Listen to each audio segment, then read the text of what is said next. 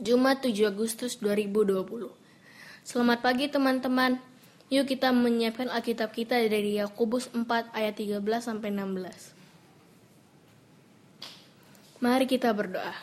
Tuhan Yesus, pimpin kami dalam pembacaan Alkitab pada pagi ini, agar hati kami terbuka dan memahami maksud Tuhan, serta menjalankan firman-Mu dalam kehidupan kami. Amin. Yakobus 4 ayat 13 sampai dengan 17. Jadi sekarang, hai kamu yang berkata, hari ini atau besok kami berangkat ke kota Anu, dan di sana kami akan tinggal setahun dan berdagang serta mendapat untung. Sedang kamu tidak tahu apa yang terjadi besok. Apakah arti hidupmu? Hidupmu itu sama seperti uap yang sebentar saja kelihatan, lalu lenyap. Sebenarnya kamu harus berkata, "Jika Tuhan menghendakinya, kami akan hidup dan berbuat ini dan itu." Tapi sekarang kamu memegahkan diri dalam congkakmu, dan semua kemegahan yang demikian adalah salah. Demikianlah pembacaan firman Tuhan pada pagi ini. Ejaf Jala Jokul Ejaf Jala Jokul adalah nama sebuah gunung berapi. Namanya cukup unik ya, menyebutkannya juga tidak mudah.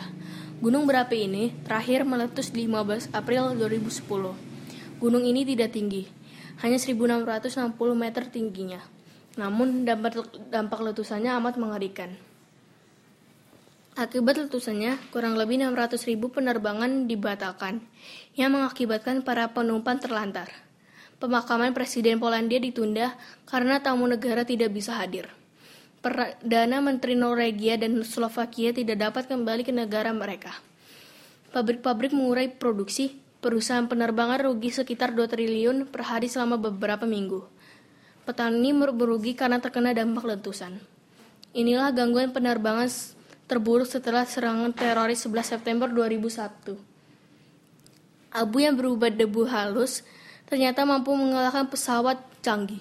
Letusan Gunung Kelut di Jawa Timur pada 2014 lalu juga membuat pemerintah terpaksa menutup semua bandara di Jawa Tengah sampai Bali.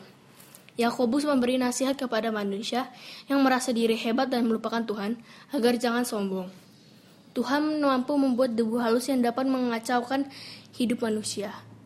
Teman-teman, apa pelajaran yang dapat diambil dari pembacaan kita hari ini dan kisah Gunung Ejaf Jala Jokul? Sebutkan satu contoh hal kecil yang ternyata membawa pengaruh besar. Jika teman-teman sudah menjawab pertanyaan di atas, yuk kita berdoa. Bapa di surga, ingatkan kami agar kami tidak sombong dan menganggap diri kami hebat sehingga kami melupakanmu. Padahal engkaulah yang paling hebat. Terima kasih Tuhan, dalam nama Tuhan Yesus, amin. Dengan pembacaan Alkitab pada pagi ini, yuk teman-teman kita mau selalu melibatkan Tuhan dalam setiap rencana kita.